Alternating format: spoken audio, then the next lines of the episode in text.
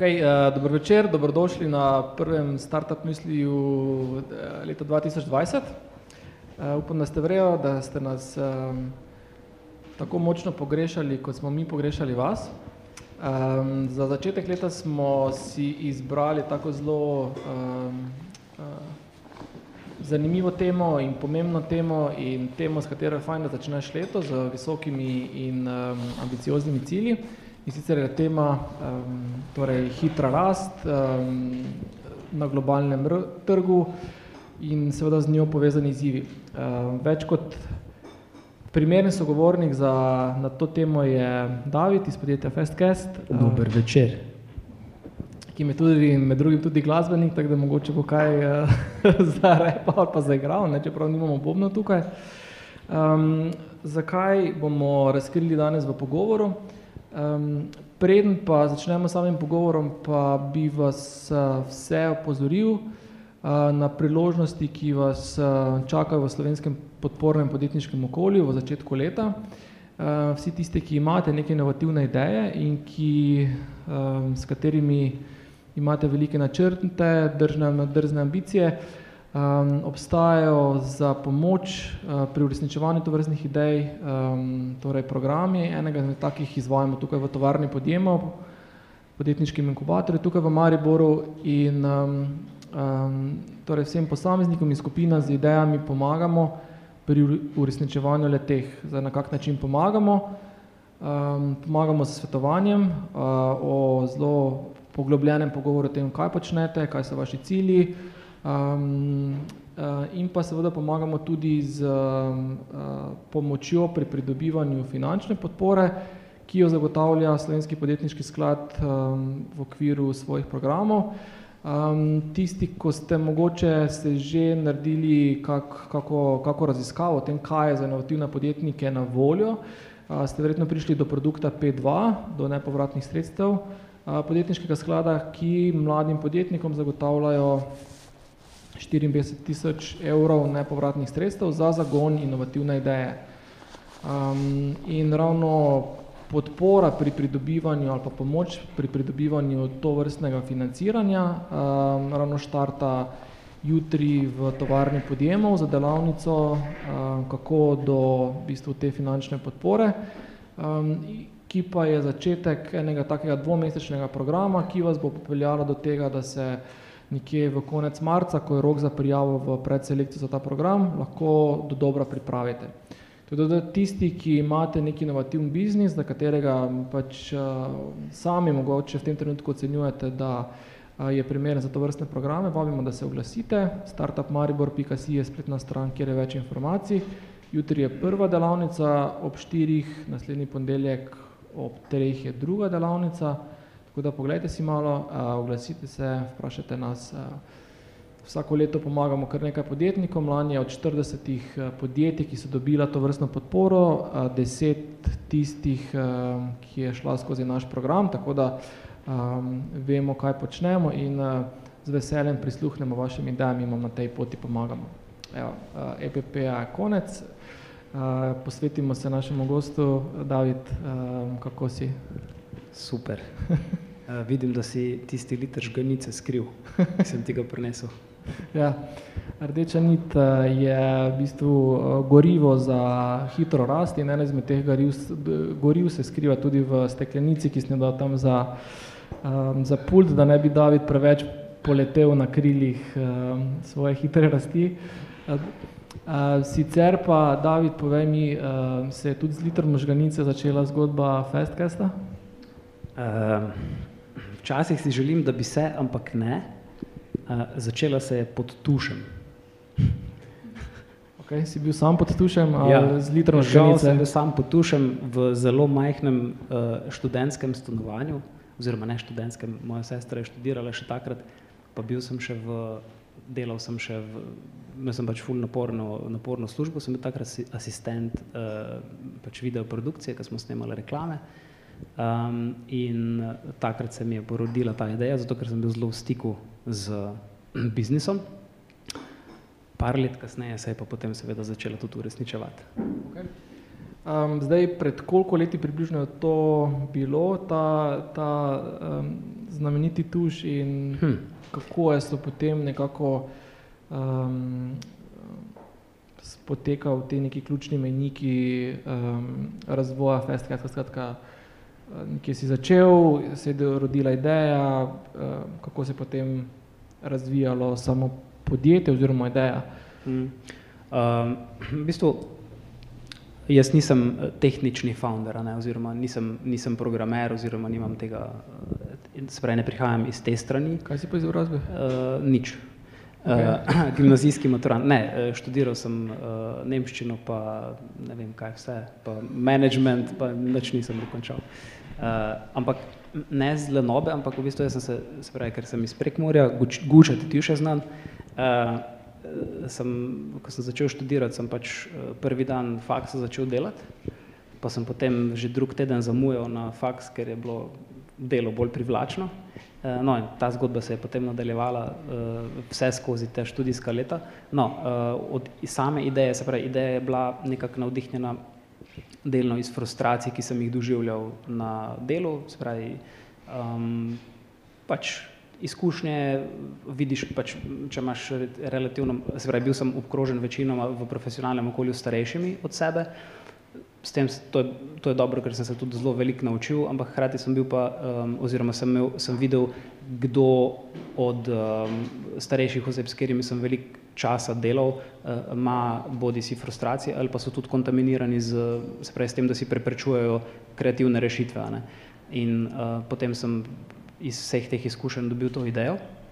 In zato, ker nisem tehničen founder, uh, sem imel um, od ideje do v bistvu, teh prvih začetkov, se pravi, da smo potem dejansko udejanili pa, pa naredili prvo obliko te neke platforme, s katero smo upali, da bomo svet osvojili, pa tako naprej, je trajalo po mojem kar ene dve leti, če ne več. Se pravi, niti, na začetku je nisem niti to resno jemal, oziroma imel sem ta epifanika, o, oh, wow, to bi bilo full fajn narediti.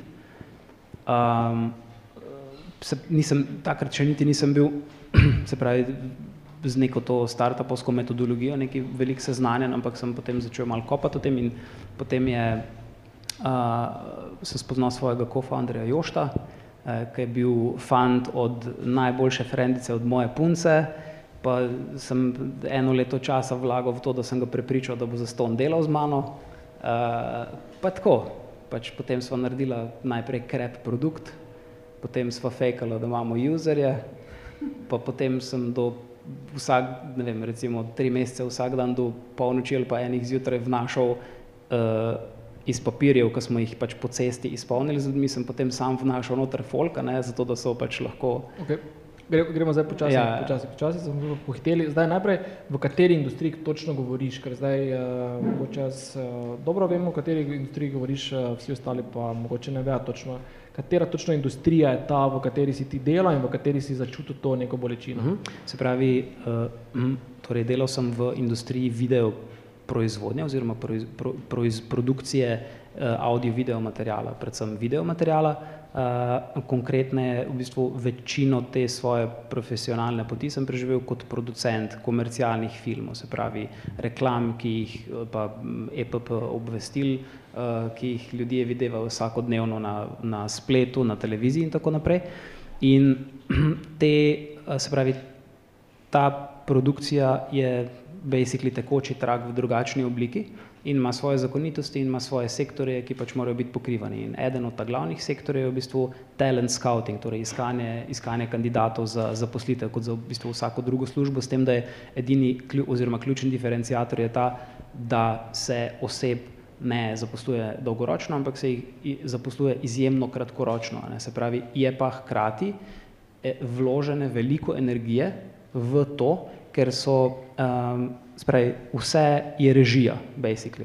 Pač to se zdaj v zadnjih letih malo bolj spreminja, ker se v to industrijo, uh, oziroma um, kar, se je, kar se je ugotovilo v industriji, pa globalno nasplošno, je, da avtentičnost, uh, spravi, avtentičnost je ravno nasprotje zrežirani, zrežirani situaciji, torej tudi avtentičnost vedno bolj postaja pomembna in potem se zdaj tudi te zakonitosti spreminjajo, ampak še vedno je pa zelo veliko, torej to, kar mi počnemo, ne, je eden od ključnih treh stebrov pri, v tej industriji. Torej, ko prideš od začetka ideje ali pa osnovanja nekega scenarija, bodi si uh, oglasa za znamko, bodi si filma, bodi si serije, bodi si nekih kratkih indie filmov ali kakorkoli že, do trenutka, ko začneš delati, je v bistvu talent scouting oziroma casting ali iskanje talentov eden od ključnih treh stebrov, ki jih producenti v bistvu pokrivajo in van, va, vanje vlagajo denar.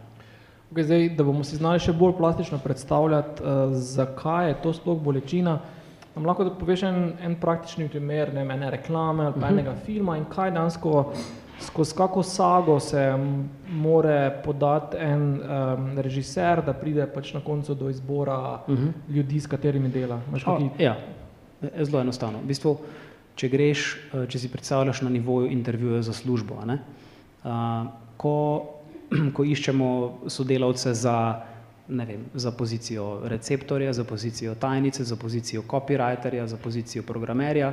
Narediš ponavadi 10 do 20 intervjujev, če imaš veliko denarja, pa veliko časa, ne, da si lahko ta luksus privoščiš. Ponavadi pa v bistvu narediš intervju s petimi, šestimi kandidati in potem upaš, da s tistim, ki bo šel, boš zadovoljen, ne, pa narediš več iteracij. V tej industriji je pa tako, ne, zdaj, če hočeš, oziroma to so best practices ali pa najbolj reprezent, reprezentativne prakse ali pa največkrat se to zgodi, ne? recimo tako nine out of ten times, je pa tako, če se pravi na vsako, v poprečju na vsako zaposleno ali pa uh, najeto osebo za določen scenarij se pregleda 50 plus kandidatov, ne? to pomeni izkupiček oziroma uh, režiserji in producenti uh, rabijo veliko sourcinga, a ne? Mnogo, večjega, mnogo večji sourcing, kot, kot ga sicer v klasičnem uh, intervjuju za službo uh, narediš kot zaposlovalec. Ne.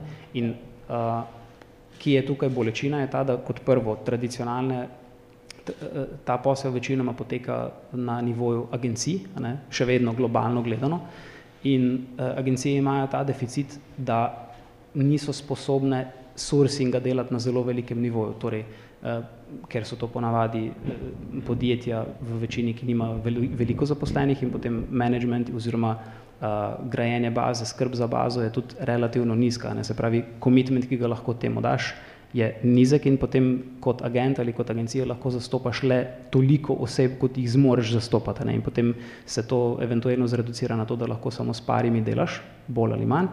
In naša moč je pa ravno v tem, v tem. Uh, ne gradimo kako bi rekel, največje baze talentov, ki je statična, a ne pa je to e, stvar, ki uh, več kot jih je, bolje bogata, ampak je bolj tako, koliko smo sposobni za vsak scenarij dobiti svežih rezultatov. In tukaj smo mi izjemno hitri, a ne? in pač z, z vsemi metodami, ki jih delamo in uh, globalno rešujemo podjetjem, ki se ukvarjajo se pravi, s proizvodnjo filmov, serij, reklam, točno ta problema. Ne. Torej, mnogo več rešitev jim lahko ponudimo, kot so jih oni sposobni, mislim, kot so jih oni tradicionalno navajeni uh, in to za isto ceno. Mhm. Ja. Zdaj recimo, če vzamemo vem, ena marketinška agencija, v bistvu snema reklamo, po kateri je ne vem, 20 nekih angažiranih igralcev, kako je to potekalo, oziroma koliko je to, to agencijo stalo resursov, časa in denarja prej, in koliko v bistvu to agencijo stane uh, v bistvu zdaj za vašo platformo. Okay, recimo najzanimivejši primer, ki je še iz lanskega leta, je bil sledeč. Delali smo z, uh, za Coca-Colo direktno, oziroma za argentinsko podjetje, ki ekskluzivno producira uh, pač te komercialne uh, materijale. Eh, komunikacijske za, za Coca-Colo. In to zgleda tako, recimo uh, produkcija najame pet ekip, uh, recimo to, ekipa pomeni enega režiserja pa dva asistenta in vsaka ekipa dobi milijon dolarjev budžeta in potem oni sproducirajo testne reklame za različna tržišča in potem na koncu Coca-Cola zbere eno ali pa dve, ki jih bojo uporabili bodi si eno za cel svet ali bodo pa razparcelirali tržišča. Ne?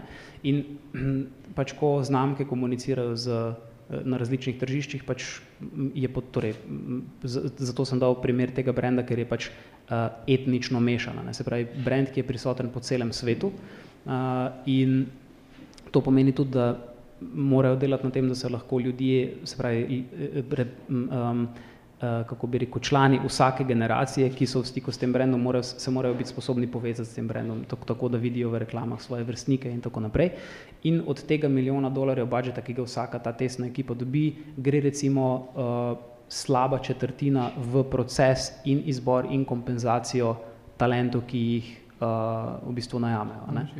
In To pomeni, če so to tradicionalno počeli z klasičnimi agencijami, so, torej je proces gledal tako, da so najeli naprimer v Argentini dve agenciji, v Londonu dve agenciji, v Berlinu dve agenciji, pa potem recimo na Bližnjem vzhodu dve agenciji in vsaka od teh agencij je pošiljala rezultate prek WeTransferja ali pa prek Dropboxa ali pa celo v mailu v PowerPoint prezentaciji še do predlani, a ne? In potem je to šlo v centralni database in potem je to vodja vsake ekipe moral pregledati, dati naprej šefom in to je šlo naprej v uh, obdelavo na Coca-Colo, decision making, dva tedna se zavrtita in b. In pač se zgubi track record, tako da se celo med tem, ko smo delali ta projekt, uh, so um, uh, asistenti celo po pomoti izbrisali Dropbox uh, mapo, ki je bila vredna po moje 60 tisoč dolarjev. In uh, uh, k sreči smo pač bili mi tako fuknjeni, da smo uh, delali backup na, na svojih serverjih cel čas in smo jim pač v resnici potem, ker na začetku niso hoteli delati na tak način, kot se pravi z našo platformo, pa smo rekli, ok, cool, nam je samo važno, da smo zdaj zraven, ne? in potem smo v resnici, je bila to voda na naš mlin, da ko so oni izbrisali mapo vredno veliko denarja, smo jim v bistvu pokazali backup na svoji platformi in od tistega trenutka naprej smo v bistvu dobili ful močnega naročnika. Ne? Tako da to. No, ampak pa to niste v resnici vi izbrisali te Dropbox mape, da ste potem lahko... Ne, okay. mislim, Kao. ne vem. Ja, ja.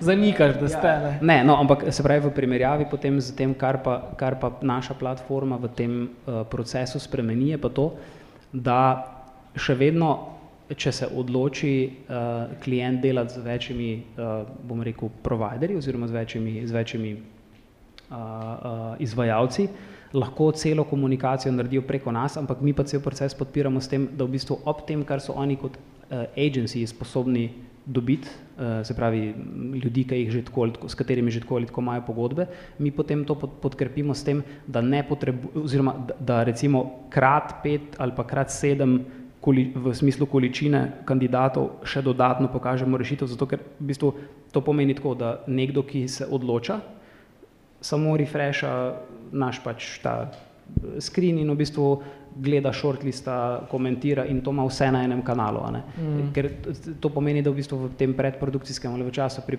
priprave tudi m, v, na tako velikem skalu projektov v bistvu lahko prišparajo tudi cel teden. Ne? Mm. Uh, tem, da ne govorim sploh o tem, koliko je enostavno, če si ne pošiljajo po mailih prezentacij, pa se zgubijo informacije, s koga si že mislil, kje si to napisal, ne vem. Uh, se pravi, mi v bistvu opremimo vse profile z z res, z res bogatimi informacijami, ki so potrebne za uh, ta proces.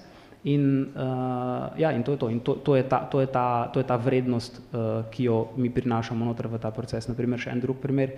Um, v lanskem letu je za skautanje talentov uh, bil, fe, se pravi, bila naša platforma uporabljena uh, z, uh, od tima uh, v bistvu enega najbolj slavnih italijanskih režiserjev, Gabriela, Gabriela Salvatoresa. Tukaj je bil pa, torej, zakaj, so se, kaj, je bil odlo, kaj je bil odločevalni moment, zakaj so se za to odločili, uh, da ne grejo se pravi s tradicionalnim uh, procesom, ampak z našim, zato ker je bila specifika, da so uh, tri države skupaj izvajale en projekt in vsaka država je morala uh, nabirati svoje predloge za vse sektorje, Eh, komunicirati oziroma eh, torej deliverati pa um, rezultate enemu odločevalcu v Italijo in potem je naša platforma bila najboljši, v bistvu neke vrste najboljši kanal, čez katerega je ta sektor bil lahko enostavno pokrit in uh, izveden. Ja. Torej, vi v resnici najbolj rešujete bolečino producentom različnih video vsebin. Torej... Tako, recimo, to je, to je primer tega večjega oziroma večjega skala. Uh, drug primer, ki je pa bolj uh, vsakodnevne narave, ki ni mogo, mislim, ta, te primeri so zanimivi zato, ker, je, ker, ker vidiš, koliko, uh, kako močan je učinek uh, na nekem, se pravi, v industriji, ko se resni denarji obračajo, pa ko je veliko ljudi že upetih v celo odločevalsko verigo. Um, na, na bolj vsakodnevnem ali pa bolj dosegljivem, pa malo lažje predstavljivem nivoju je pa tako. Na, v skoraj vsakem podjetju na svetu uh, obstaja ena oseba, ki se ukvarja s tem, spravi, če nimaš ravno zdaj budžeta za marketing, ne obstaja ena oseba, ki se ukvarja z komunikacijo, z marketingom, s strankami, z proizvo, proizvajanjem materialov za Facebook oglase, za Google oglase in tako naprej. In dobra, dobra, dobre tri četrtine vseh teh materialov se proizvajajo tudi z, se pravi, tako da nekdo potem najame bodi si modela, bodi si nekoga, ki bo uh, s tem produktom pofotkan na recepciji od ne, ne vem kje, na kauču, pod tušem, however, v glavnem kjerkoli že. In uh, veliko krat je tako, da enostavno, da prideš do, do, do prave rešitve, uh, za sam proces potrošiš preveč denarja. Če, če si hotel nekoga, prej, če si hotel dobro rešitev, pa si rekel, ok, uh, lahko si privoščim, da osebo skompenziram, ne vem, 250 evrov, ne? In, si, pa, in veš, da si temu, temu um, temu budžetu podrejen, ti včasih sama agencija lahko požre tudi tri četrt tega budžeta ne? in potem ti na koncu ostane le še slabih 100 evrov za to, da neko, nekoga kompenziraš. To je pa denar, za katerega se je tudi zelo težko zmeniti za delo ali pa enostavno gre preveč, se pravi, preve, preveč procesa se dogaja. In mi smo tisti kanal, ki lahko, takšnim, um, pravi, ki lahko takšnemu profilu ljudi omogočimo, da na zelo enostaven način pridejo do ta pravih rešitev, ker v bistvu kar delamo je to, da sfiltriramo ljudi, ki jih to že tako ali tako zanima početi. Recimo, predstavljaj se tako na mesto, da bi, da bi zdaj tri ljudi vsak teden poslal na cesto, pa gnjavil folk, hej, a ti snemal reklame ali kaj bi že, ne. Pač smo poslali celo vojsko nekih metod uh, na Facebook pa na Instagram, zato da smo izluščili izmed vseh teh oseb, ki se tako ali drugače šetajo po cesti, ta prave, da jih zelo enostavno lahko uh, povežemo z iskalci, ki jim lahko ponudijo kratkoročne uh, jobe, mi temu rečemo gige. Um, ja, in, in na tak način rešujemo te probleme. Okay. Um, zdaj, uh, ali zdaj vsi tukaj zelo dobro vemo, nam je jasno, kaj FastCast počne? Roke gor, malo da se razgibamo. Tisti, ki veste. Okay. En par je. Dobro, enih par, ok. Mogoče kako iteracijo mogli narediti. Ja. Okay, zdaj, pa, uh, zdaj ste vi relativno dobro ste sprofilirali, komu rešujete bolečino uh, in, in na kak način. Zdaj, um, to verjetno ta jasna misel in uh, pozicija na trgu se ni zgodila že takrat potušem, ampak je v bistvu rezultat um, mnogih iteracij, poskusov, um, stran poti, da ste prišli do tega. Ne. Pa me zanima, v bistvu, na kak način ste vi iskali ta poslovni model ali pa to pozicijo na trgu, ki jo pač zdaj nekako držite ali pa jih zasledite in katere metode ste pri tem uporabljali Um, koliko časa so vam to vzele? Um, ja, mislim tako. Uh, na začetku začeli smo zelo optimistično, ne pač bilo je, ok, prvih tisoč uporabnikov dobiš hitro, tako da si zelo dolgo časa, zelo dolgo po konci, pa pač veš, ker poznaš frende, itak si v biznisu, lahko se pravi tisto neko, neko mejno količino um, prvih uporabnikov lahko relativno hitro dosežeš. Um, Ampak ni, recimo, ko govoriš o uporabnikih, tukaj je ena stvar ful pomembno izpostaviti, pač vem, še posebej za ljudi, ki se kakorkoli ukvarjajo z kakršnimi, v bistvu z grajenjem kakršnega koli posla, na koncu tudi z, z kafičem ali s čemerkoli. Uh, ni vsak potencijalen uporabnik, uporabnik že takrat, ko stopi čez vrata, ne? ampak je uporabnik šele takrat, ko se na nek način aktivira. Ne? In v bistvu mi smo na začetku imeli zelo veliko obiska, uh, nismo pa enostavno, ni se ta aktivacija zgodila. Ne? Se pravi, aktivacija pomeni, da, se da je nekdo bil, da nam je nekdo začel toliko močno zaupati, da je rekel, ok, jaz bom tukaj objavil svoj prvi job, vem, prvo, prvo priložnost, ne vem, delam ta pa ta projekt, bom poskusil, ne bom, ne bom delal z nekom drugim, ampak bom poskusil ta nov način. Ne? Ste imeli z aktivacijo probleme na obeh uh, straneh vašega, vaše platforme, torej tako na eni strani iskalcev teh uh, talentov in na strani talentov, uh, ali je bila katera stran bolj problematična uh, kot ne, druga? Problemi so, mislim, torej te, te izzivi so na obeh straneh, še vedno obstajajo, s tem, da, se, da jih je na, na strani uh, poslov, torej na strani poslovnih odjemalcev, mnogo težje rešiti. Zato ker uh, vedno, vedno, ko je neka močnejša finančna transakcija pač vključena, moraš, mislim, si, moraš si prislužiti zaupanja. Ne? Mm. In to je izjemno težko dobiti, še posebej, če si pač mlado podjetje, podjetje če si newcomer, če postavljaš, bo, recimo, uh, vedno, ko se lotiš tega, da nek proces malo predrugačiš, pa ga lansiraš v nekem svojem drugačnem svetu, je to izjemno težko, zato ker uh, prvo se pojavlja vprašanje, zakaj pa? Kaj pa je bilo narobe z unim prejšnjim? In se, se srečuješ z marsikakšno um, tebi ful jasno stvarjo, pa razlago in potem ugotavljaš, kako slabo si v resnici odgovoril ali pa opisal svoj produkt ali pa svoj, se pravi, svojo to okay. neuljivljivo prednost in tako naprej. Je bil, je bil kaki taki zelo jasen aha, aha moment ali pa neko razodetje ali pa neko spoznanje, ki je pomenilo tako radikalno boljše dojemanje te vrednosti za eno ali pa za drugo stran. Skratka, ste ugotovili, kako ne vem, iskalcem talenta, torej agencijam v bistvu predstaviti to, da so zaštekali in je bilo zdaj vsem jasno, wow, fast, fast, kaj sta res the place to go. Je, je kakšna taka stvar, ki je tudi mogoče splošno zanimiva ali pa uporabljiva za druge, ki platforme ja. gradijo? Ja, um, najbolj pomembna stvar je ta, da te mora, se pravi, tako, morate biti nehati strah postavljati vprašanja. Mene je bilo vedno strah, jo, a lahko to tako direktno vprašam, ne? E, ampak ja, ker pač, e, veš, ko, ko, ko so ljudje v procesu svojega dela, ko so, ko, so, ko so zatopljeni v svoje delo ali pa ko so obremenjeni s tem, da aha, to je to, kar jaz moram zdaj doseči, pa ti je to prioriteta številka ena v tem svojem profesionalnem okolju, a, nimajo časa za kompliciranje. In to je, to je vedenje, ki ga pač v, ta, v tistem trenutku kažejo.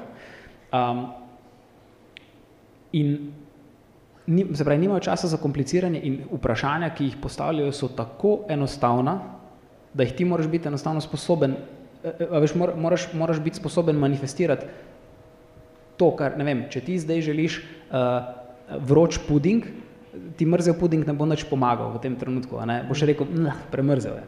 In moraš, moraš biti sposoben nekomu pokazati, da točno tukaj lahko ta vroč puding zdaj dobi. Na kak način? Na tak način. In torej, kar je glavni takeaway je to, mi smo se recimo na začetku ful premalo ukvarjali s tem, da smo delali intervjuje. E, intervju pomeni, da, da, da pač nehaš komplicirati, pa osebo vprašaš enostavno, ej, daj se tle vsedi za računalnik, pa mi pokaži, če te sploh zanima to, česa ne razumeš. In potem ljudje pridejo s takimi stvarmi na plano kot, ej, tega stavka ne razumem, jaz sem mislil, da to to pomeni.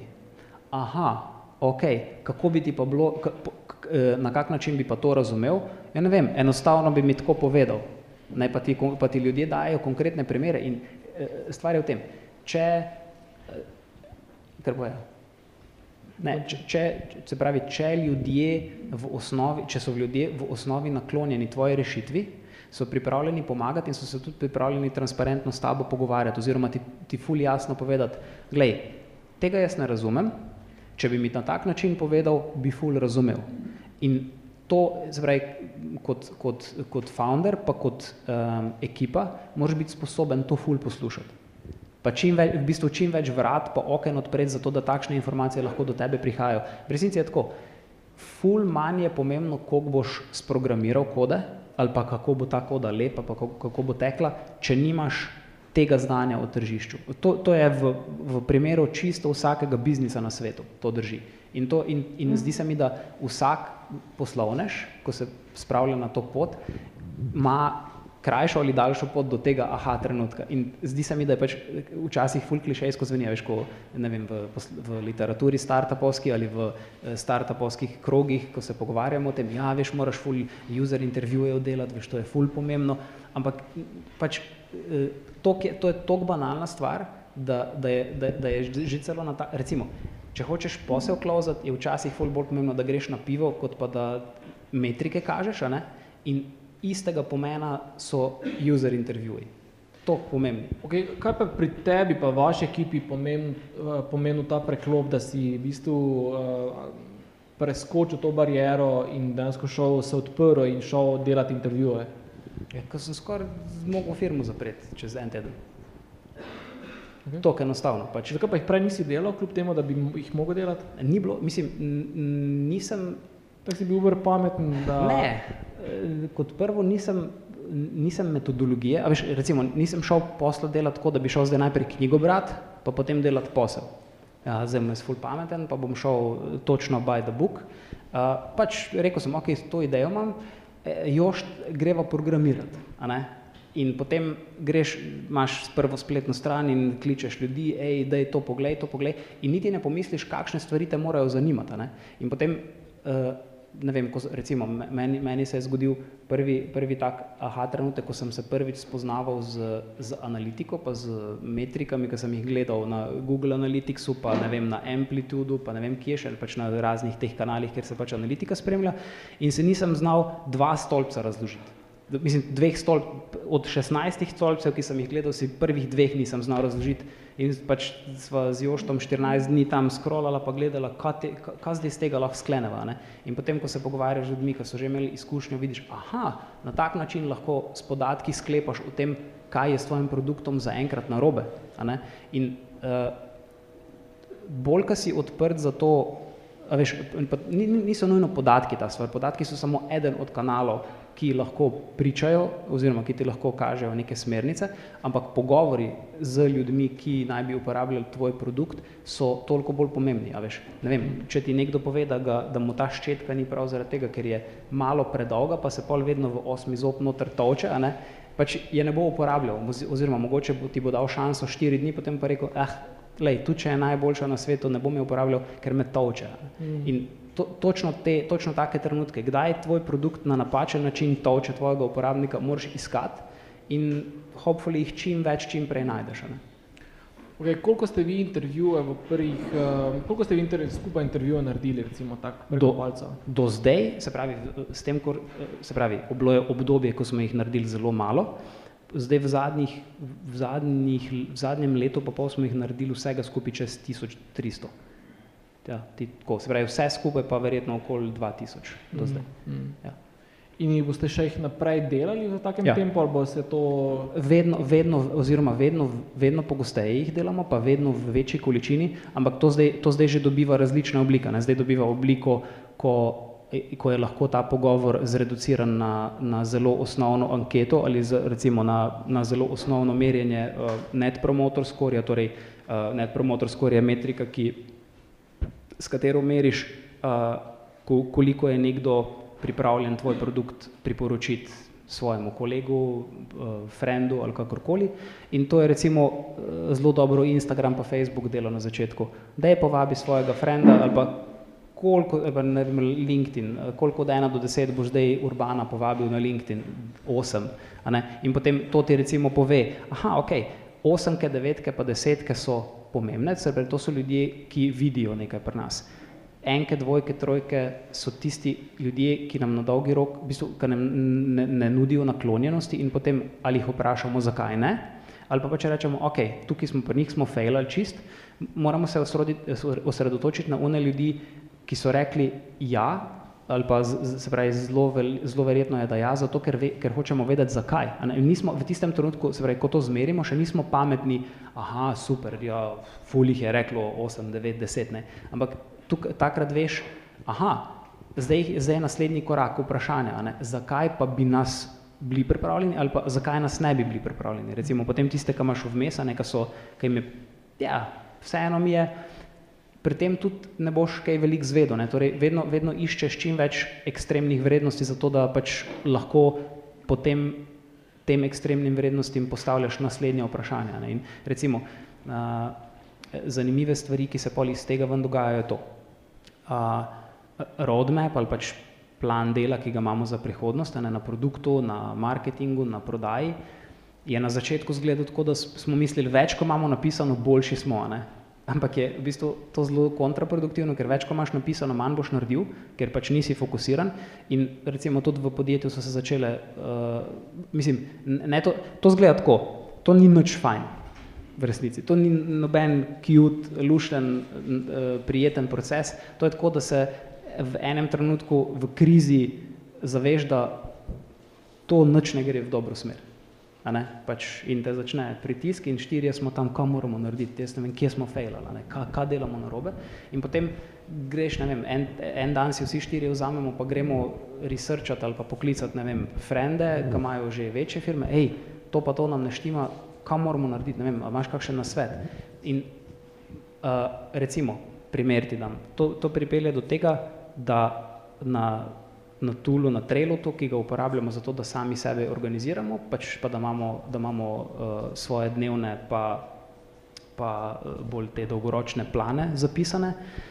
Uh, delali smo to, da smo na vsako, na vsako stvar, ki jo moramo narediti z, uh, uh, kot odgovorno osebo, dali ne vem, dve ali pa tri osebe, ne? zato ker smo rekli, aha, ti boš pri tem tesku naredil to, ti to, ti to, ampak se potem, ko imaš tisočkrat to ponovljeno, pozabiš, kdo je ta glavni oziroma kdo je odgovoren za eno od teh stvari. Ne? In se ti v komunikaciji začnejo takšni lapsusi dogajati, da, da te je sram, če, če nazaj pomisliš, ono, o moj bog, ka, kako lahko takšne stvari pozabim, ampak je ravno, ker pač grajenje produkta, grajenje firme je tok živahen proces, da enostavno moraš stremeti k temu, da boš čim bolj simpel vse delo. Se pravi, eno stvar boš naredil dobro, ne boš hitev zaradi tega, ker veš, da boš na koncu en mesec potem spet porabil z, z ping-ponganjem tja pa nazaj.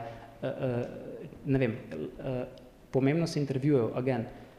Uh, toliko, intervjuje so toliko pomembni, da preden se spraviš eno majhno stvar spremeniti, je boljše 20 minut uh, pogovorov imeti, zato ker ti lahko teh 20 minut reši tako, developmenta v vrednosti 10 ali več tisoč evrov. Mm. Zato, ker, ker, so, ker so ene stvari tako očitne, da na njih zaradi vsega, eh, vse pameti ali intela, ki ga imaš v podjetju, enostavno nisi bil sposoben pomisliti. Mm. In, in, in pogovorite na takšne majhne, eh, na takšne malenkosti lahko um, zelo dobro opozorijo. Okay, koliko, recimo, koliko takih kriznih uh, trenutkov, ko ste se vsi štirje vzeli en dan razmisleka in retrospektive in uh, mirili svoje srce, razbijene v prsih, koliko takih trenutkov je bilo v zadnjih dveh letih? Hm, veliko. Mislim, recimo, zdaj imamo tako, da imamo vsak petek retrospektivo za cel teden nazaj, ne? se pravi, cela firma se za dve uri vsede na kavč. Koliko vas je v tem trenutku? Da Trenut, zdaj nas bo, z naslednjim mesecem nas bo 15 vse skupaj, s tem, da imamo pač recimo 10-11 nas je večinoma v, smo, nas je večinoma v pisarni, uh, potem so pa uh, programeri večinoma od doma delajo, remotely, enega partnerja imamo za sales pa uh, content creation v Berlinu, enega v Londonu, skratka tako, pač pa mentorje, ki jih naštejemo v ekipo, ki jih je pa tudi že v bistvu uh, trije redni, eden izredni, ampak spravi tam, ko, če, se, če se all hands skupaj z investitorji damo za eno mizo, več ne sedemo za eno mizo, ampak rabimo kar eno mali, maj, majhno dvoranico. Ne?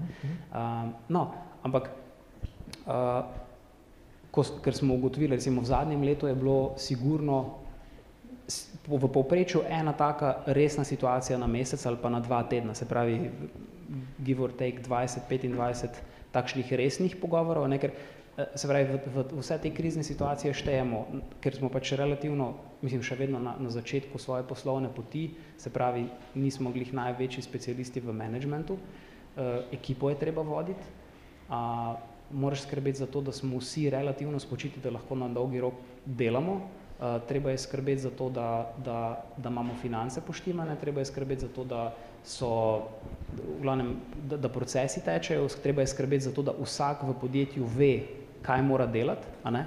Uh, pa predvsem, predvsem druga stvar, ko smo pa tudi ugotovili uh, pred kratkim, recimo, veš, to, ko govorimo o, o podjetniških, pravi, o, o, o vrednotah v podjetjih pa tako naprej, v resnici je tako, vrednote, vrednote je ful težko cel čas sabo nositi. Ne? Vrednote so načeloma neka taka stvar, ki so um, relativno člo, človeška stvar, se pravi, ne vem, treba je verjeti v to, da smo vsi, če kmečko pamet vklopimo, dobri ljudje, pa da ni slabih namenov. Edge case vedno obstajajo, ampak tako, v neko to zdravo pamet je treba verjeti in to je najboljši način, kako zdrave vrednote v firmi gojiti, ki so pač čiste enostavne. Vestnost, točnost, pa predvsem to, da, da ljudje znajo biti med sabo transparentni, pa si relativno zaupati. Ne? To je ključnega pomena. Ampak um, druga stvar je ta attitude. Ne? To, to, recimo, zdaj smo v, v, v zadnjem letu smo se naučili to, koliko je eh, prist, torej attitude je pristopa ne, v slovenščini, se pravi, ali pa odnos do tega, kako se boš do teh informacij, ki so ti posredovane, obnašal. Veš, um, še posebej v teh fazah, tudi če nas je zdaj 15, pa tako, to je še vedno zelo na začetku in ne vem, upam, da nas v, naslednji, v naslednjem letu ali dveh čaka tudi to, da bomo prišli do več kot 50 ljudi, uh, ampak uh, na koncu je tako, da vsi morajo imeti, uh, vsi moramo deliti ta nek pristop ali pa odnos do informacij, ki so nam dane. Torej, moramo imeti neko vestnost, pa, pa predvsem to neko čisto naravno človeško odgovornost do, vse, do vsega, kar v podjetju počnemo. In recimo, to smo ugotovili šele par mesecev nazaj in odkar smo začeli uh, skrbeti za to, opominjati en drugega na to, da je to ful pomembno. Ampak zdaj, kaj imaš točno zdaj konkretno v mislih, recimo to vestnost, od, Naprimer, odnos do ja, informacij? Ja, konkret, konkreten primer je ta. Uh, če vsak v podjetju, eh, recimo, ko gradiš produkta, ne, se dogaja to, da se vsak, da se čisto vsak uh, resen sestanek, ki recimo mi vsak, vsak ponedeljek ob devetih imamo sestanek uh, in si raz, to, tako top level si razdelimo naloge za cel teden. Ne. In na tem sestanku se zgodi, ker pač imamo kreativne ljudi v podjetju, se zgodi, da, da je na mesto planiranja kar naenkrat postane, kar se enkrat razvije brainstorming. Ne? In potem se vname energija, kreativnost in začnemo govoriti, ja, pa to bomo naredili, pa ono bomo naredili in lahko ena ura, pa pol, pa dve uri gresta mimo in se nismo bili sposobni zmeniti, kaj bomo pa dejansko naredili ta teden. Ne? In potem lahko ljudje tavajo v zablodi, cel teden ne upajo povedati, da pač eh, pozabil sem, kaj je bilo, ali pa ne vem, kakršne koli stvari, recimo vestnost, torej neka, nek odnos do tega, kako tretirati čas, ko smo skupaj. Ne? Se pravi, aha, če imaš idejo, se pravi, recimo, toliko smo šli globoko v te procese, če imaš idejo, pa če veš, da je ta sestanek namenjen temu, da se vsi eh, posinkamo za cel teden, zato da bo firma boljše tekla, potem moraš imeti toliko discipline, da ne boš sestanka motil z idejami, zato ker, smo, ker, smo, ker imamo vsi ful radi ideje in bomo na njih reagirali, si jih zapišeš, eh, lahko jih poveš po mitingu ali z, poveš enemu, pa ocenita, aha, ok, deva si vzeti en, eno uro časa, pa pre, presrčati, če je to vredna ideja, oziroma če je ta, vredna, če je ta ideja vredna ene, enega tedna časa od, ne vem, od programerjev ali od marketinga ali kakorkoli že. Um, uh, potem Imate te procese zapisane, recimo to, da na, planira, na, na tem uh, ponedeljkovem kolegiju so ideje prepovedane. Je to eh, zapisano? Ne, ne to, imamo, to, imamo, mislim, to imamo founderji zapisano, ampak je boljši način, veš, nočemo se, oziroma ni še trenutek, da bi se vnašali kot korporacija. Aha, čutim neko napetost. Ja, ja. Uh, mi se s, s podobnimi stvarmi soočamo. Ravno ta teden smo imeli uh, tako Se to, mislim, to zveni, to zveni ful banalno, zdaj, kot da se kao, pač founderi eh, podjetij pogovarjamo o tem, ampak to se tudi med frendi lahko zgodi. Mislim, jaz imam pač, jaz imam zanimiv primer, zato ker sem menedžiral sem eh, glasbeno skupino, ki je prišla do tega, da eh, smo MTV Award dobili, pa menedžiral sem glasbeno skupino, ki tega ni dosegla in je attitude med obema bil izjemno, mislim, eh, diametralno nasprotje in eni smo bili posinkani, drugi nismo bili posinkani. Ne? In se potem to na tem, kako se stvari manifestirajo, kam grejo, kam, kam cela ekipa lahko, pa kako hitro lahko zavije, so takšne malenkosti ful pomembne. Pa v resnici so to, v resnici so to zelo enostavne stvari, ampak torej, odgovor na vprašanje, founderi imamo to med sabo zapisano, ampak smo ugotovili, da je pisno predajanje tega preveč suhoparno, pa nočemo se obnašati en do drugega kot neka korporacija zdaj v tem trenutku, ker to pač to ubija dušo v podjetju. Ne? In zato, zato imamo samo, se pravi, eh, če je samo en v, podjet, v en v podjetju striktan do tega, pa jaz sem ponavadi tisti, ki prvi popizdim, pa sem tudi to moral popraviti, ne, da ne popizdim tako pogosto, uh, smo se pač morali zmeniti, da tisti štiri, ki, smo, ki, ki kulturo v podjetju lahko držimo, uh, se pravi takšno, kot želimo, da je, zato da bo cela firma boljše funkcionirala, uh, moramo biti pozorni na to in takrat, ko se začnejo te stvari dogajati, moramo vsi štirje ali pač tisti, ki je odgovoren za to, to na to opomniti, potem pa drugi morajo to endorsati. Ne? In potem samo videti, aha, tam je treba paziti, zato ker se spet to pa to dogaja, ker to v resnici, to, to je samo, mislim, um, um, sodelavcev, mladih sodelavcev, ki jih zdaj v tem trenutku imamo, ne smemo, sprej, ne smemo delati na tem, da jih prestrašimo. To, recimo, um, imam tudi izkušnjo, ker sem bil že na prejšnjem startupu ne, in tam se je zelo delalo na strahu spoštovanja oziroma celo na, zelo, zelo na indusanju tega, tega močnega stresa pa tako naprej in to je bilo zelo kontraproduktivno ne, in je 90 ljudi zelo malo naredilo na mesec, medtem ka ko vidiš, da, da med sabo te energije poštimaš, pa da komunikacija lepo teče, pa da, da, da so ljudje, da se lahko zgodi to, da ljudje niso, uh, a veš, celo recimo s tem, kar smo naredili, smo dosegli to, da se ljudje uh, lahko odločijo, aha, ta sestanek me zahteva zraven, ali pa nimam kaj za pripomniti tukaj, bom pogledal, ko, bo, ko bojo zapiski narejeni, mogoče lahko kaj dodamo. Ne? In smo v bistvu povzročili to, da, da, da, da ful bolj lean, torej bolj vitko lahko delamo na vseh nivojih. Ne? In se takrat, ko imamo čas za tak sestanek, ga lahko zreduciramo iz 40 minut na 15 minut, če smo tako v tistih v tistih 15 minutah, če se obnašamo malo kot roboti. Aha, ok, kul, cool. to je pomembno, se bomo pol že ostale stvari, ampak zdaj je pa treba to, to zrihtati. In s tem se zgodi to, da si fokusiran, da lahko postaviš pomembno vprašanje, aha, zakaj je to, zakaj je to, zakaj je to, in potem pri tretjem, zakaj ponavadi priješ do tega, aha, razumem, zdaj kaj moram narediti. In če nisi pri tem discipliniran, se, se to ponavadi ne zgodi. In to nas je recimo zdaj teplo do do skoraj, pač, skoraj zadnje tretjine lanskega leta. Ok, vam ta, ta nasvet, um, ta organizacijski nasvet, ta organizacijski hack, vam je to kak, kak izkušen kolega, mentor predal ali to nekaj, neko spoznanje, do katerega ste sami prišli? Ne, jaz mislim, da mislim, recepti načeloma um,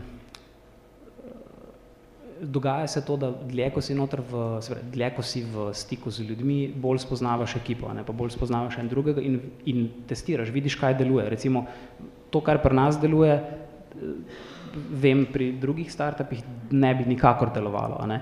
Ampak gre za to, kakšen attitude hočeš vzgajati in pač znotraj, treba je nek sistem postaviti in se sistema držati, zato ker to tudi neko, neko obliko varnosti zagotavlja v podjetju, se pravi, veš, če, če vsi vemo, da aha, takšna so pravila igre, ne rabi biti s tem povezan noben strah, pa noben pritisk, ampak če so, če se, če, če so ta pravila neko olje, potem to teče. Ne? Mm. Uh, če se, če, če, še enkrat, ne, če je samo ena oseba za to odgovorna, potem se to zelo težko realizira. Če se taka disciplina povzroči, da, je, da, nas je, da se nas več čuti odgovornih za to vzdrževati, potem je to ful enostavno. In, mm. in to se mi zdi, da, uh, ja, mislim, definitivno, naprimer, Andraš Tori je fulkrat, od Zemanta je fulkrat dal kakšno pametno pripombo, pa smo jo testirali, pa velikrat ni delovalo. Ne? Tudi, ne vem, v obdobju enega ali pa dveh mesecev, ni, se, ker, ker ni resoniralo z ekipo. Ne? Zakaj bi, zakaj bi tako delali? To, ful, to, to, to, to deluje zelo kot tujega zato ker moraš obnašanje tako močno prilagoditi, ker ti ni naravno in pač te, mislim, da je te, te stvari potrebno, um, mislim, za te stvari je potrebno imeti posluh pri ekipi, ker pač ekipa je tista, ki se mora dobro počutiti ne? in ti se pa kot founder moraš tudi temu velikrat približati. Um, nisem posebej podaril, ampak dobrodošlo so vaše vprašanje, tako da kadarkoli imate uh, kakvo vprašanje, ker Martin, tebe smo čakali mikrofon, lahko Karmen, prosim. Zato, če imate vprašanje, bi jo samo prosil, da počakate na mikrofon. Evo, Martin, povej. Uh, eno vprašanje zaveze s tistim, kaj se me sliši? S tistim, kar smo govorili čisto na začetku, a ste tudi v pravnem smislu isto počnete za naročnike, kot delo agencije, se pravi, je samo tehnična ta razlika. Razumem, torej ne. Uh, mislim, mi imamo zelo pravno gledano, imamo zelo izzivalno uh, delo, a ne se pravi, uh, sklepamo predvsem pogodbe o delu, a ne kratkoročnem. Um, in v bistvu mi, mi moramo v vsakem, torej v vsakem pogledu mora biti relacija torej, če smo mi kot platforma, ne, mora biti ta relacija pravno gledano poštimana v vseh teh korakih. Kdo je tisti, ki mu platforma lahko posreduje podatke, kdo je tisti, ki, od katerega lahko platforma vzame podatke, kako se licencirajo te dogovori med njime. Ne. Tukaj mi veliko posla naredimo oziroma veliko izvajamo teh dogovorov tudi eh, gledano, gledano pravno, torej pomoč pri pogodbah, celo template pogodb imamo za, za izvajanje teh poslov in tako naprej. To odgovori? Se pravi, več ali manj delate enako kot agencije, spravnega vidika za nekega naročnika, oni, ki so za Coca-Cola nekaj delali, je približno isto za njih uredite. Ne, Nima oni dodatnega dela. Mislim, mi imamo, eh, veš kako, aha, čakaj, sprašuješ, koliko mi moramo energije pri vsakem... Ne, mene zanima za njega, ki je prehodil v agenciji, zdaj pa uporablja vas, a je tudi neko izkušnja, razumem, da je drugačna, ampak iz pravnega vidika je to neko dodatno delo, uh, odgovornost, ne, zato, ki, ne, ne, a vi se odpravite, kar je ja, itak že prej agencija. Imamo mi pač naša platforma mu ponuja v bistvu tudi support v tem smislu, ne, se pravi template, uh, pa v resnici imamo tako narejeno, da je znotraj vsakega potrjenega posla, mi črpamo podatke o tem poslu že od trenutka, ko, ko si recimo ti objavil ta posel. Ne? Mi od tebe zahtevamo določeno količino podatkov, ki eh, zagotovijo minimalno količino vseh teh pravno gledano pomembnih podatkov, zato da, zato da lahko to virtualno pogodbo med tabo in potencijalnim uh, delavcem sklenemo. Ne? Torej, ti v bistvu, ko nekoga hajraš, že dobiš uh, vzorce pogodb, ki bodo za ta tvoj projekt podpisane. In potem to online med njima podpišemo, ko je to podpisano, se potrdi posel in se pač naredi plačilo ali je to odloženo ali kakorkoli. Skratka, ni za uporabnika, za, za poslovnega uporabnika ni dodatnega dela v tem pogledu. Ok, pa morda nekaj bolj zanimivega. Um, kako ste prišli do prvega, prve stranke v tujini? Uh mhm. -huh. Se je vmes v že v tujini kdo skopiral? Pa tretje vprašanje, prej ste rekel, da vas je zdaj 15, pa bi rad, da jih bo 50 naslednje leto. Kaj bo delalo preostalih 35 konkretno? Okay. Uh, v bistvu se pravi, najprej je, bil, najprej je bilo vprašanje, kako smo dobili prvo stranko v tujini. Uh, prvo stranko v tujini smo dobili uh, preko slovenskega partnerja, uh, se pravi, bil je čist referral, uh, ker smo, se pravi, najprej smo delali zelo veliko na tem, da smo čez LinkedIn kontaktirali lastnike podjetij, producente, takšne in drugačne in smo jim pač poskušali v tekstu pičati, kaj počnemo in priti do sestankov, bodi si na Skype ali tudi v živo, če je bilo potrebno in pač potem closati dela. Ne. Ampak je to, narava, ta, narava našega posla je taka, da je v, vsaj za prvi posel potrebno full enega zaupanja, vsaj dokler nimaš nič pod palcem, ne, pa nimaš v bistvu tudi uh, nekega brand value ali pa nisi neka znamka, ki bi bila globalno, ki bi, ki bi uh, naročniki globalno zaupali. In smo potem videli, da ok, uh, šli smo researchati, pa smo videli, kdo od naših obstoječih partnerjev ima kakšne dobre LinkedIn connectione v tujini, ne, povezave, pa smo pač rekli, hej, ful te lepo prosimo, mi bi do, tega, do, do te osebe radi prišli, a nas lahko povežeš. In je potem par naročnikov bilo toliko prijaznih pa pripravljenih, pa so rekli, ok, dovolj vam zaupam, pa bom to naredil za vas in potem je bilo recimo od 20 pogovorov, ki so nastali iz tega naslova, smo jih recimo 4-5 dobili v nekem relativno kratkem času simultano. Tako smo prišli do prvih strank, potem smo delali na tem, da smo dovolj, se pravi, prvi, delali smo tako, da tudi če smo šli v minus, smo ta prvi posel morali narediti tako dobro, da ni bilo izgovora, da nas nekdo ne bi, da nas nekdo ne bi bil sposoben naprej predlagati.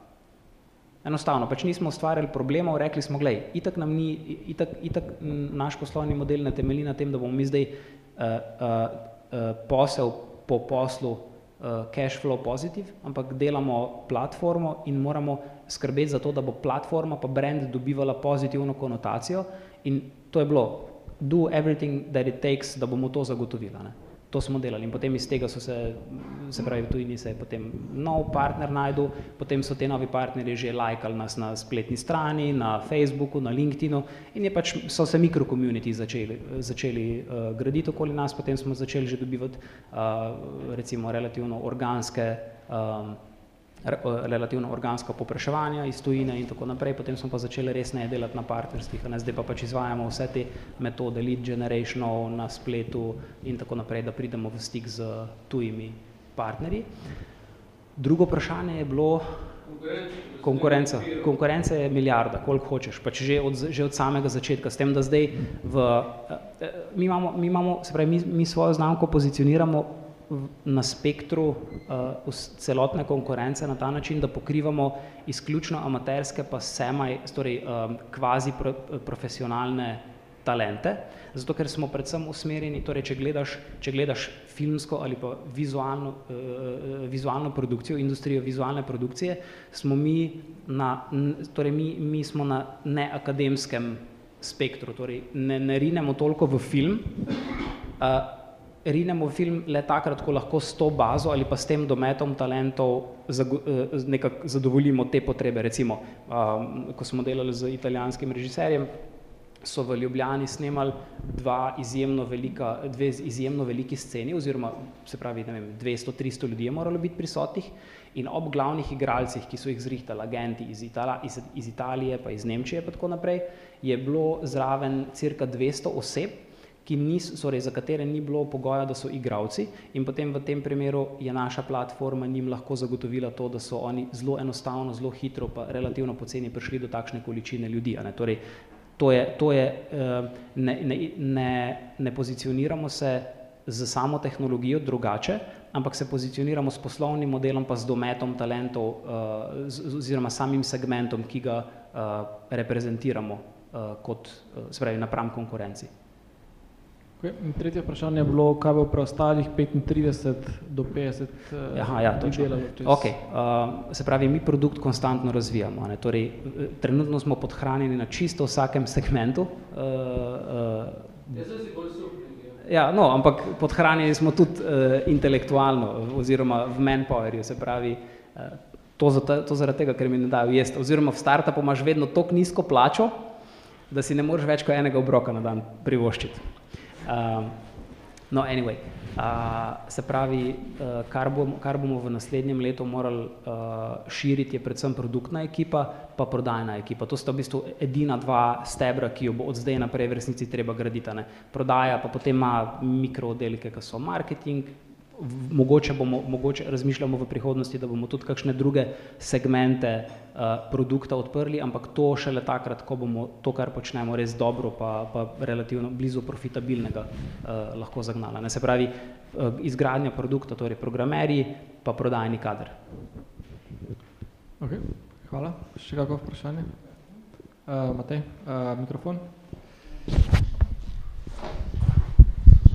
Eh, zelo sem radoveden glede teh pogodb. Eh, kakšna je vaša vloga pri sklepanju pogodb? Še enkrat, vi, vi tu do nastopa kot pogodbeni partner, se pravi naročnik, pa tisti, eh, ki je torej ta igralec, ali kako bi temu rekel, ne, pa kak tip pogodb sklepa, sklepajo med sabo, a so to avtorske pogodbe? In kako lahko, in ka, kakšne imate vi kombinacije tukaj, recimo, a je tu lahko američan, slovenec, slovenec, eh, hrvaška, se pravi, koliko je tu možnih kombinacij, ker po mojih izkušnjah je to zelo težko zaradi te zakonodaje, kdo je kje zavarovan, pa ni zavarovan in tako naprej. E, v bistvu je zelo enostavno v resnici. Se pravi, pogodbe je treba ločiti na, dva, na, se pravi, na dve strani. Ene, ene pogodbe so licenčne pogodbe, ki uh, se predvsem dotikajo zakupa intelektualnih pa avtorskih pravic. Torej, uh, če ti mene najameš za delo, se ti moraš z mano dogovoriti, oziroma ti meni moraš najprej transparentno povedati, za koliko časa boš ti moje intelektualne oziroma avtorske pravice zakupil, pa kje jih boš uporabljal. Torej, mi tebe, kot plat, ker, ker mi kot platforma sklepamo tripartitne pogodbe, torej eno iz finančnih razlogov, zato ker ti boš plačal nam, mi bomo ta cash zadržali, dokler delo ne bo izvedeno, mi tega denarja ne bomo nikamor pošiljali, čisto zaradi varnosti finančne in pač torej quality assurance in tako naprej. Torej, prva pogodba je ta, če ti nam nisi sposoben povedati, kje, pa za koliko časa boš oziroma nameravaš odkupiti te pravice, tudi ne moreš pri nas v bistvu joba nekako uh, objaviti oziroma bo naš customer support to pregledal, pa če, pa če, če, če bo ugotovil neke te dispute, bo rekel, hej, Matej, uh, te pa te informacije manjkajo, če jih nisi sposoben, bomo pač primorani ta projekt omakniti, zato ker je misleading, ne, oziroma ni transparenten in bo povzročil prej ali slej bo, se pravi, pri tem, v, tej, v tej stroki je ful pomembno, da se vse te stvari vnaprej vejo. Ne. Um, druga pogodba je pa pogodba o plačilu. Ta, ta pogodba je pa sledeča. To je pa čisto odvisno od tega, kje imaš podjetje ustanovljeno. Ne. Z, če, če posluješ mednarodno, je slovenski DOO izjemno omejujoč pri izvajanju, zato ker je zelo, zelo rigidna zakonodaja in v bistvu je potrebno pri vsakem plačilu v resnici kot prvo uh, upoštevati, se pravi, tip pogodbe in za, vsako, za skoraj vsak tip dela je drugačna pogodba, ali je pač avtorska ali kakorkoli. Drugo je iz finančnih razlogov zelo rigidno in zelo drago, se pravi, takoj, ko greš v avtorsko pogodbo, je pač ali talent ostane brez skoraj 30 ali pa 40 odstotkov svojega inkama, uh, zato ker gre, pred, ker gre za torej v primerjavi z plačami ali v primerjavi z večjimi projektnimi kompenzacijami, pri nas gre za relativno nižje zneske. Ne? Recimo, če ti zaslužiš 80 evrov za to, ker si šel ne vem, za 6 ur nekam nekaj delati, delati lahko na mest teh 80 evrov zelo hitro dobiš samo še 45, ne? kar je pač negativen predznak. Torej, kar mi delamo, mi kot platforma zagotovimo, da se licenčne pogodbe, se pravi, da je track record znotraj samega projekta, ti veš, kaj si naredil, komu si komu si kakšno, kakšno ponudbo dal in ta ponudba se pri nas smatra kot pogodba. Torej, mi pač, če, ko, ko, ko posel skleneš, dobiš pač papirologijo v PDF-ju in to je to. Ne? Imaš, veš točno, za koliko časa si kaj kupil. Uh, potem imamo pač premium service, da če so, če so recimo potrebe za kakšne specifične projekte, mi lahko najamemo uh, zunanje svetovalce pravne in pač izdelajo pogodbe za točno takšno obliko uh, intelektualnega, mislim, zakupa intelektualnih pravic.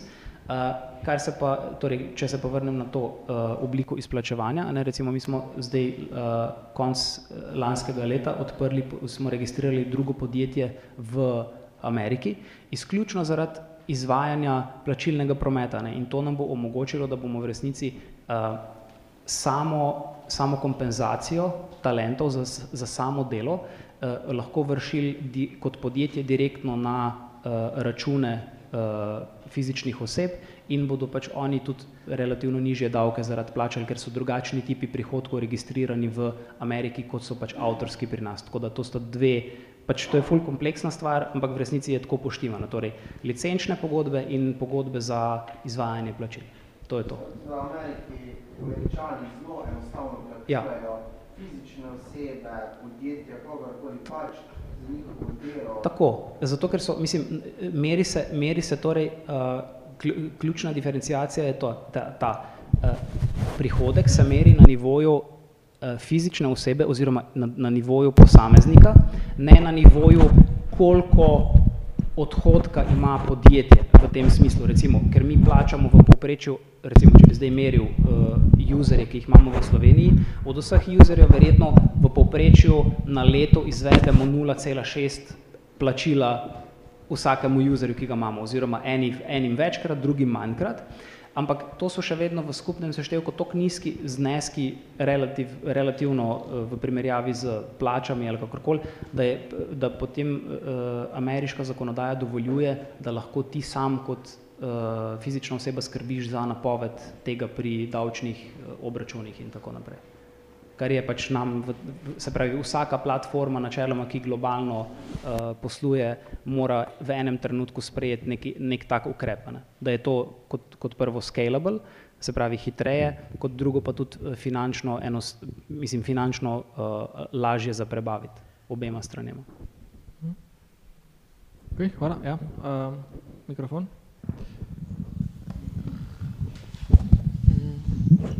Ja, zdravo. Moje ime je Petra Bauman. Mene pa je iskanje točno takšnega dela, kot ga vi ponujate, pripeljalo do vaše agencije. Sem se tudi registrirala, tako da sem jaz v bistvu na tej drugi strani, ne, iščem torej te priložnosti, ne, igranje torej v reklamah, filmska produkcija in tako dalje. Me pa zanima, kaj se pravzaprav zgodi z mojo prijavo v trenutku, ko se jaz prijavim. Eh, kdo pravzaprav to pogleda, kdo, um, na kak način po, gre potem dalje ta audicija um, oziroma ta končni izbor in tudi, ker um, zdaj uh, moja uspešnost ni zdaj ravno zavi, zavidljiva. Ne? Me zanima, kako si pravzaprav povečati tudi priložnosti, um, tako da bi dobila recimo v pogled tudi v čim več te ponudbe, ki jo, ki jo imate vi, ker meni se pojavi na mojem profilu, ne vem, štiri, pet mogoče opcij, kamor mm se lahko prijavim, eh, za tujino redko kdaj kakšna, mm se pravi, kako, kaj delam na robe, oziroma kako lahko se predstavim oziroma delam stvari boljše, tako da bi se te možnosti dejansko povečale. Ok, super, full fine, da slišim, da je tudi nekdo od uporabnikov tukaj. Uh, user intervju v živo. Ja, ja, user intervju v živo. Um, Mislim, več je dejavnikov. Zdaj, kar se tiče uspešnosti same, je tako, eh, veliko je treba vlagati uh, energije v to, da je profil dobro izpolnjen, isto kot na LinkedIn-u. Se pravi, mi, mislim, pri nas uporabniki predvsem veliko dajo na um, spravi, boljše, ko so slike ali pa bolj, ko so raznolike.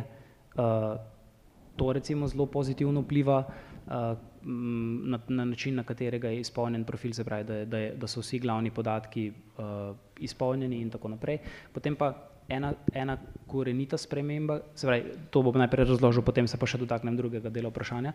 Ena korenita sprememba, ki smo jo uvedli, mislim, da gli, zdaj, glih tik pred koncem leta, je bila ta, imeli smo tudi uh, premium uh, račun za talente, ki je, pravi, potem do, neki, do določene količine uh, poslov si lahko dostopal za ston, potem pa za več si moral plačati. To smo ukinili in je v bistvu uh, zdaj uh, zato, ravno, ravno s tem namenom, da povečamo možnosti za uspešnost pri vseh, ne, ne glede na to, ali si premium ali navaden uporabnik, se pravi, to smo čisto maknili.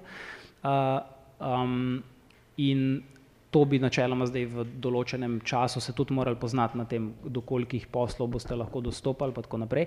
Eno je sezonskost tega posla, se pravi, ponavadi so, zdaj čisto odvisno, kje živiš, ne, ampak pri nas je tako, konkretno Slovenija, Avstrija, eh, Hrvaška, da, so, da se največja frekvenca teh poslov zgodi od februarja, marca, pa potem naprej, recimo do te predbožične, uh, predbožičnega obdobja, recimo, in potem vse spet nekako zamre uh, med oktobrom in novembrom. Razen, če so posebni, če so kakšne posebne kampanje. Tako da to. Drugo je pa to, da smo omejili, spravi, kaj smo ugotovili. Ugotovili smo to, da so se en čas smo imeli tako, da so lahko recimo uporabniki iz Nemčije uh, brez problema tudi eh, kontaktirali ljudi iz Slovenije, ampak je to, uh, kar je to povzročilo, je bilo precej nezadovoljstvo, zato ker takoj na začetku noben ni vedel uh, zagotovo, a zdaj komunicira z nekom iz Slovenije ne? in je potem prišlo do situacije, da aha, se nisem jaz sploh vedel, da je to v Nemčiji, kako ne zdaj tja pridem in smo to omejili, zato vidite manj poslov in v, procentualno gledano jih je v Sloveniji zdaj v tem trenutku najmanj. Ne, tako da zaradi te sezonskosti pa, pa vsega tega jih zdaj v tem trenutku verjetno vidite manj, ampak v, v, Vidite, ja, v, v, državi, v državi vidite vse, ampak lahko, lahko vam kasneje pokažem, kako jih lažje filtrirate. To bo mogoče tudi enostavneje. Uh, drugače pa, kar se tiče, se pravi, samo, samo, torej, kaj je glavna stvar, ki jo lahko delate za to, da čim bolj povečate svoje možnosti, je enostavno pač aktivno spremljanje. Mogoče lahko nam tudi pišete, pa vam bomo pomagali ali pa kakorkoli, v glavnem z nekimi dodatnimi nasveti. Eh, se pravi, ponavadi, ponavadi je tako, zdaj, uh, dva, dva, dva nivoja spremljanja stane. En nivo je tak, da včasih naši customer uh, oziroma se pravi ljudje, ki v podjetju skrbijo za to, da spremljajo ali projekti v redu tečejo in ali se prej, projekti premikajo naprej, tudi oni asistirajo pri pregledovanju vsega tega, ampak to ni prvi kontakt. Ne. Najprej je Najprej uh, kandidate pregleduje tista oseba ali pa Eh, tist, tisto podjetje, ki je, ki je projekt navadno objavilo. In potem, zdaj, včasih se zgodi, da, so, da je komunikacija malo počasnejša, kot bi se to poslovno korektno pričakovalo, ampak načeloma večino ali pa več kot 90% cel, celotnega procesa naredi tista oseba ali tisto podjetje, ki je projekt na naši platformi objavilo. Načeloma, načeloma je to glavna praksa ne, z, z manjšimi odstopanji. Tako, potem pa pač oni komunicirajo z vami, včasih nam tudi pišejo, če lahko pomagamo pri, ne vem, včasih se kakšni, eh, se pravi, včasih ne dobijo odziva od kakšnih talentov in potem mi posredujemo, zato ker imamo več podatkov od njih in tako naprej. Če, eh, če to ne pomaga, pa potem tudi se kdaj umakne koga ne, ali kakorkoli že. Upam, odgovori to? Okay. Hvala. Ja, Okay, um, ker se nam čas po čas izteka, mogoče še glede na to tudi govorimo o rasti, zdaj ogromno so govorili o tej organizacijski rasti ali pa tem organizacijskem vidiku, ki je mogoče veliko krat um, ali zamočan ali spregledan ali pa v bistvu je um, po prioriteti mislimo, da so številke pa število userjev pa uporabnikov pomembnejše od teh vidikov, ki smo govorili, ampak v resnici se izkaže, da ravno zaradi takih vidikov ali podjetje raste, pa prosperira, ali pa v bistvu ne. Um, mogoče eh, za, za, za, za, za konec ali pa proti koncu, zdaj koliko uporabnikov um, ima platforma na eni strani, um, koliko, koliko jih želite oziroma kam želite priti ne, ob koncu 2020, um, tako malo, mogoče zdaj malo bolj kvantificiramo to rast pa te izzive. Um, Kje ste danes, kam želite? Ja. Eh, trenutno imamo blizu 70 tisoč registriranih talentov, kar ne pomeni, da so vsi aktivni. Se pravi, pač imamo tam do, dobro, slabo polovico vseh teh je mesečno aktivnih.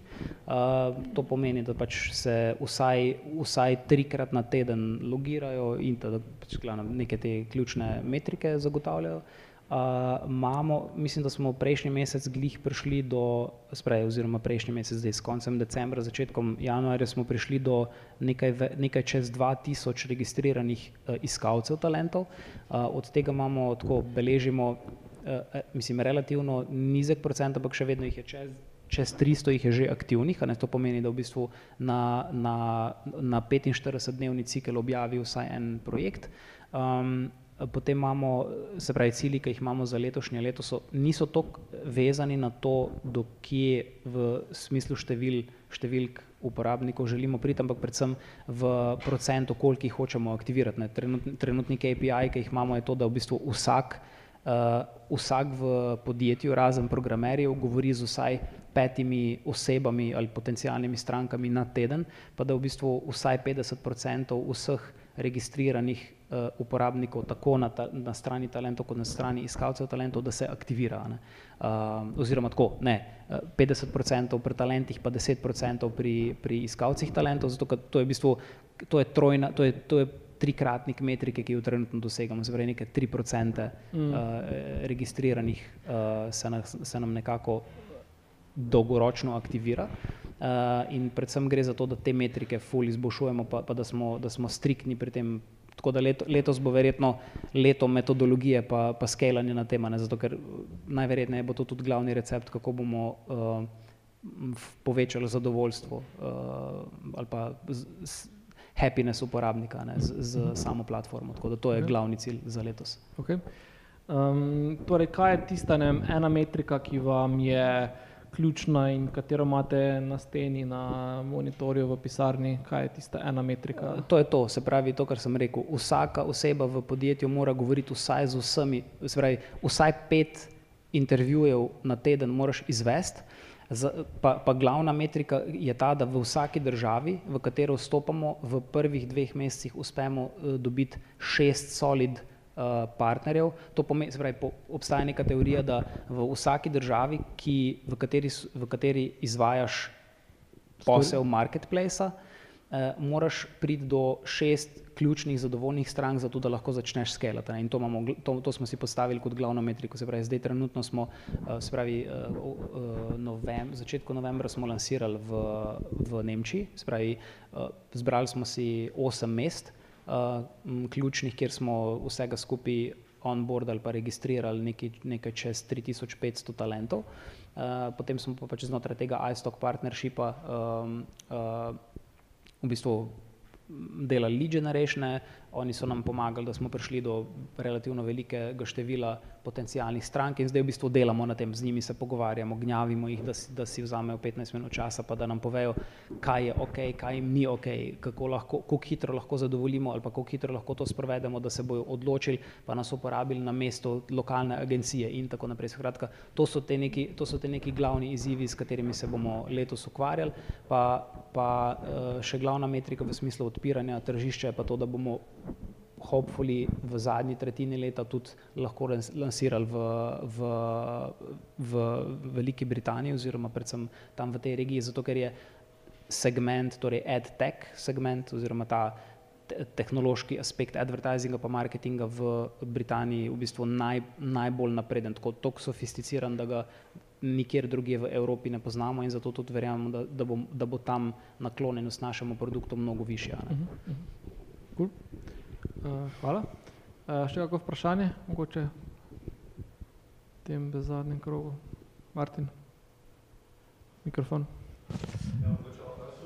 Ja, ajde, izvoli. Samo malo počakajte. Se mi zdi, da dela tudi. Dela? Um, če bi mogoče lahko kaj povedali o lastniški strukturi, če ni prevelika skromnost, pa kak ste investitorje dobivali, ja. dohodek podjetja mogoče? Uh, čisto enostavno, lastniška struktura firme je na začetku bil totalen disaster, uh, zato ker smo pač prvič smo se tega lotevali, preveč smo imeli razpršeno strukturo, zdaj smo to popravili, tako da founderji pač lastimo nekaj čez 75% uh, podjetja. Koliko je founderjev? Founderjev je pet. Okay. Ja.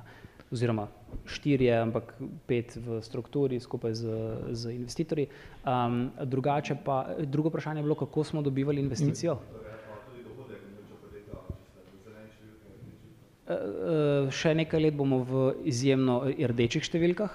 Uh, skratka, mislim, da pojasnim, kako smo se z Urbanom prej pogovarjali o eni zanimivi temi glede tega. Torej, uh, startup imamo, oziroma tako, ne da bi to koristil kot izgovor, ampak uh, v startupi ponavadi delamo zelo veliko razvoja. Ne? Se pravi, recimo, konkretno pri nas trenutno je skoraj polovica podjetja razvijalcev, ki, uh, v katere podjetje vlaga za to, da zgradi nekaj, kar bo, ko boš market fit, torej ko boš, ko boš obstoj podjetja lahko razširil na, tol, na toliko tržišč, da boš s tem lahko delal večje, mislim, mnogo večje prihodke, pa tudi mnogo večje dobička. Ne. Zato startupi rezamo investicije, dvigujemo investicije izključno zaradi tega, da lahko hitreje vlagamo v razvoj, torej da ne rabimo se fokusirati na to, da moramo zdaj obvezno biti v pozitivnih številkah, da od, pozitiv, da, da od pozitivnega cash flowa lahko potem vlagamo v, v razvoj, zato ker če, če bi na tak način delali,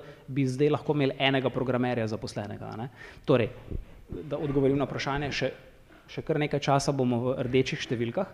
Uh, investitorje, investitorje pa v bistvu prepričujemo na tak način, da jim moramo, enostavno moramo pokazati, kaj smo recimo v zadnjem tri mesečju uspeli narediti, pa kakšne, uh, kakšne, kakšne predikcije lahko delamo na nivoju prometa ali na nivoju sklepanja poslov, na nivoju sklepanja uh, potencijalnih poslov, userjev. Recimo, velikrat je mnogo bolj pomembno to, da si ti sposoben iz meseca v mesec podvojiti uh, količino uporabnikov, kot pa sam, kot pa sam, sam prihodek. Zato, ker veš, da pač recimo po, po uh, gledano uh, historično, torej recimo, če veš, da si prišel do toliko in toliko uporabnikov, pa si potem za toliko uporabnikov rabil recimo tri ali pa štiri mesece, da si jih aktiviral, da so začeli torej, uh, delati neke transakcije na tvoji platformi, potem investitor ve, aha, ok, če je to ponovljivo, potem to pomeni, da bo to v tolkem in tolkem času naredilo takšen uh, return. In na tak način se veliko krat investitorji odločajo zelo preprosto. Ali pa, eh, ko prideš na, na, na, na večji scale, recimo, če bomo letos imamo cilj, da bomo, priš, da bomo prebili en milijon uh, prihodkov, To predvsem zaradi tega, ker smo pač močno partnerstvo dobili. In zadnja investicija, ki smo jo zdaj decembra podpisali, je bila povezana izključno s tem, recimo, pre, ko smo začeli z investitorjem govoriti, smo rekli, v načrtu imamo, da bomo podpisali partnerstvo z močnim podjetjem, ki je Getty Images v, v pač Ameriki pa Britaniji In ko je bil drug sestanek z investitorjem ali pa follow-up sestanek, smo to realizirali in smo pokazali, da lahko to executamo, da, pač, da lahko sledimo tem ciljem in jih uresničujemo in je to bil v bistvu tudi glavni pokazatelj uspešnosti, uh, v katerega je investitor verjel in je rekel, ok, zdaj, ko ste to dosegli, smo pripravljeni pač investirati in videti, kaj se zgodi. In potem, če recimo dosežemo neke določene druge metrike, ki smo si jih postavili do, vem, za prvo četrtletje, za drugo četrtletje, je potem, če bi ugotovili, da, da bi bilo v določeno tržišče potrebno več investirati, kot smo pričakovali, potem, investitor, potem ima investitor tudi posluh za to, da reče, aha, ok, razumem, pod takšnimi pogoji ali pa na tak način to se lahko na tem in tem tržišču doseže in če imaš uh, bom rekel, ne dokaze, ampak če imaš tehtne razloge za to, da lahko to sprezentiraš verodostojno, ne da si izmišljuješ, ampak pač obstajajo, mislim, moraš imeti, moraš imeti res uh, m, pač enostavno podlago za to moraš ustvariti ne? in potem so investitorji, potem imajo investitorji mnogo več posluha za to, da sploh uh, investirajo vate. A ti a, a, e, odgovori na vprašanje? Ok, hvala. Ok, uh, še zadnjo hitro vprašanje. En, dva, tri. Uh, bo hitro vprašanje. Ajde.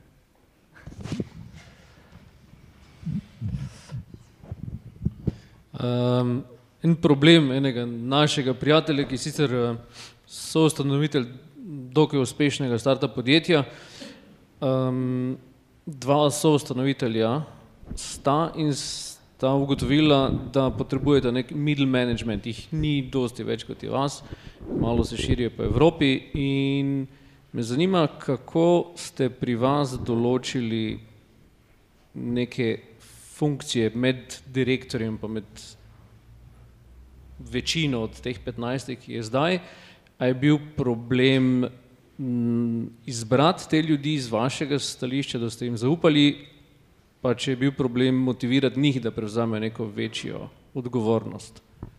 Dobro vprašanje. Um, pač to zdaj lahko govorim čisto iz moje izkušnje. Um, načeloma je tako, da se, recimo, ko, ko, ko, ko nas je bilo malo, smo itak, vedno smo ostali tisti, ki smo bili pripravljeni največ delati. Ne? Se pravi, do, do nekega trenutka v obstoju podjetja. Potem, ko smo, ko smo si lahko privoščili to, da smo več ljudi uh, zaposlili, se pa začne dogajati to, da določeni ljudje imajo pravi, različne karakterje. Imaš. Eni, eni so nagnjeni k temu, da so lahko malo bolj na nivoju vodi, vodi drugi, so, drugi, drugi ne zmorejo tega, da bi, da bi vodili druge. In potem se potem nekako nekak se naravno začne kazati, kdo je sposoben za kaj.